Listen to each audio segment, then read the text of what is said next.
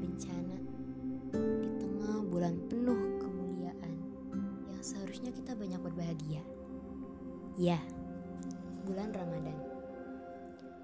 Puasa kemarin-kemarin feelnya benar-benar kerasa deh. Iya nggak?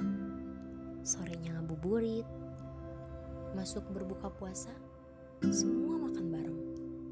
Kadang hampir tiap minggunya suka diisi dengan acara buka bersama.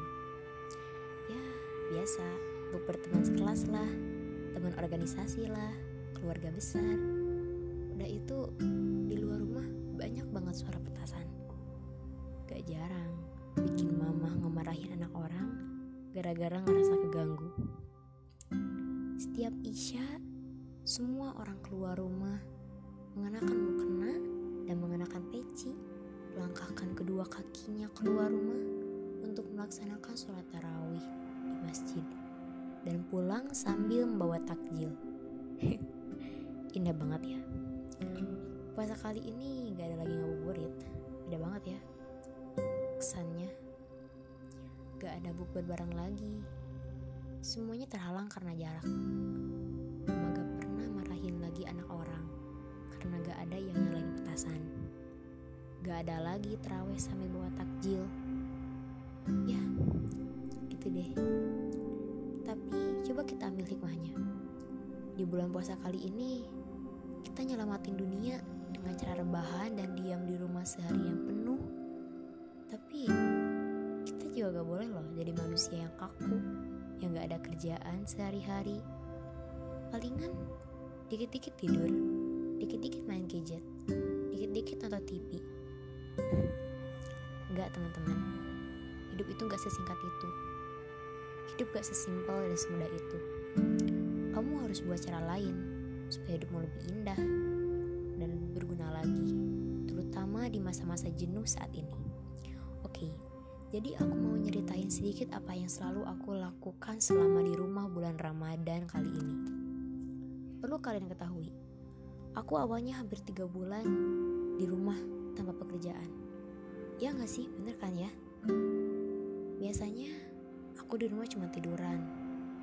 Atau kadang kalau ada tugas online. Itu pun hanya di waktu-waktu tertentu. Selebihnya banyak sekali dong waktu-waktu yang terbuang percuma. Kalau kita nggak bisa ngemanfaatin semua itu. Ya, aku pikir nggak ada salahnya kalau aku nyari hobi baru Sebenarnya hobi baru ini datang secara gak disengaja awalnya aku lagi main IG itu. Di sana aku nemuin salah satu akun Instagram yang di postingannya itu memuat karya lomba-lomba karya tulis. Contohnya seperti lomba cerpen, bikin artikel, bikin esai. Nah, di sana aku pikir aku juga cukup punya potensi dan membuat sebuah cerita dan merangkai kata. Gak ada salahnya kan? Aku ikutan lomba-lomba itu? Pertama aku coba ikut lomba cerpen. Lah, tapi makin ke sini malah jadi hobi deh. Malah, kamu tahu gak? Aku udah menghasilkan banyak cerpen yang sudah aku perlombakan.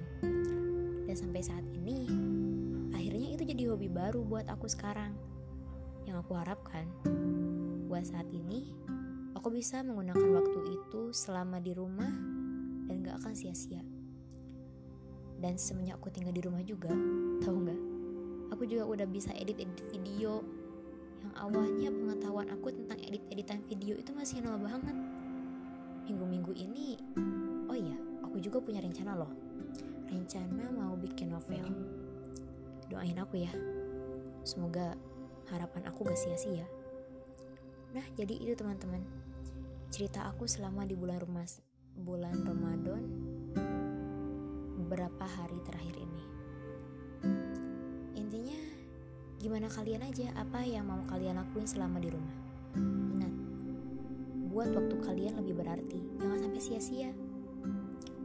Raga boleh terpenjara, tapi jiwa harus tetap melayang bebas tanpa penghalang dan terus untuk selalu berkarya.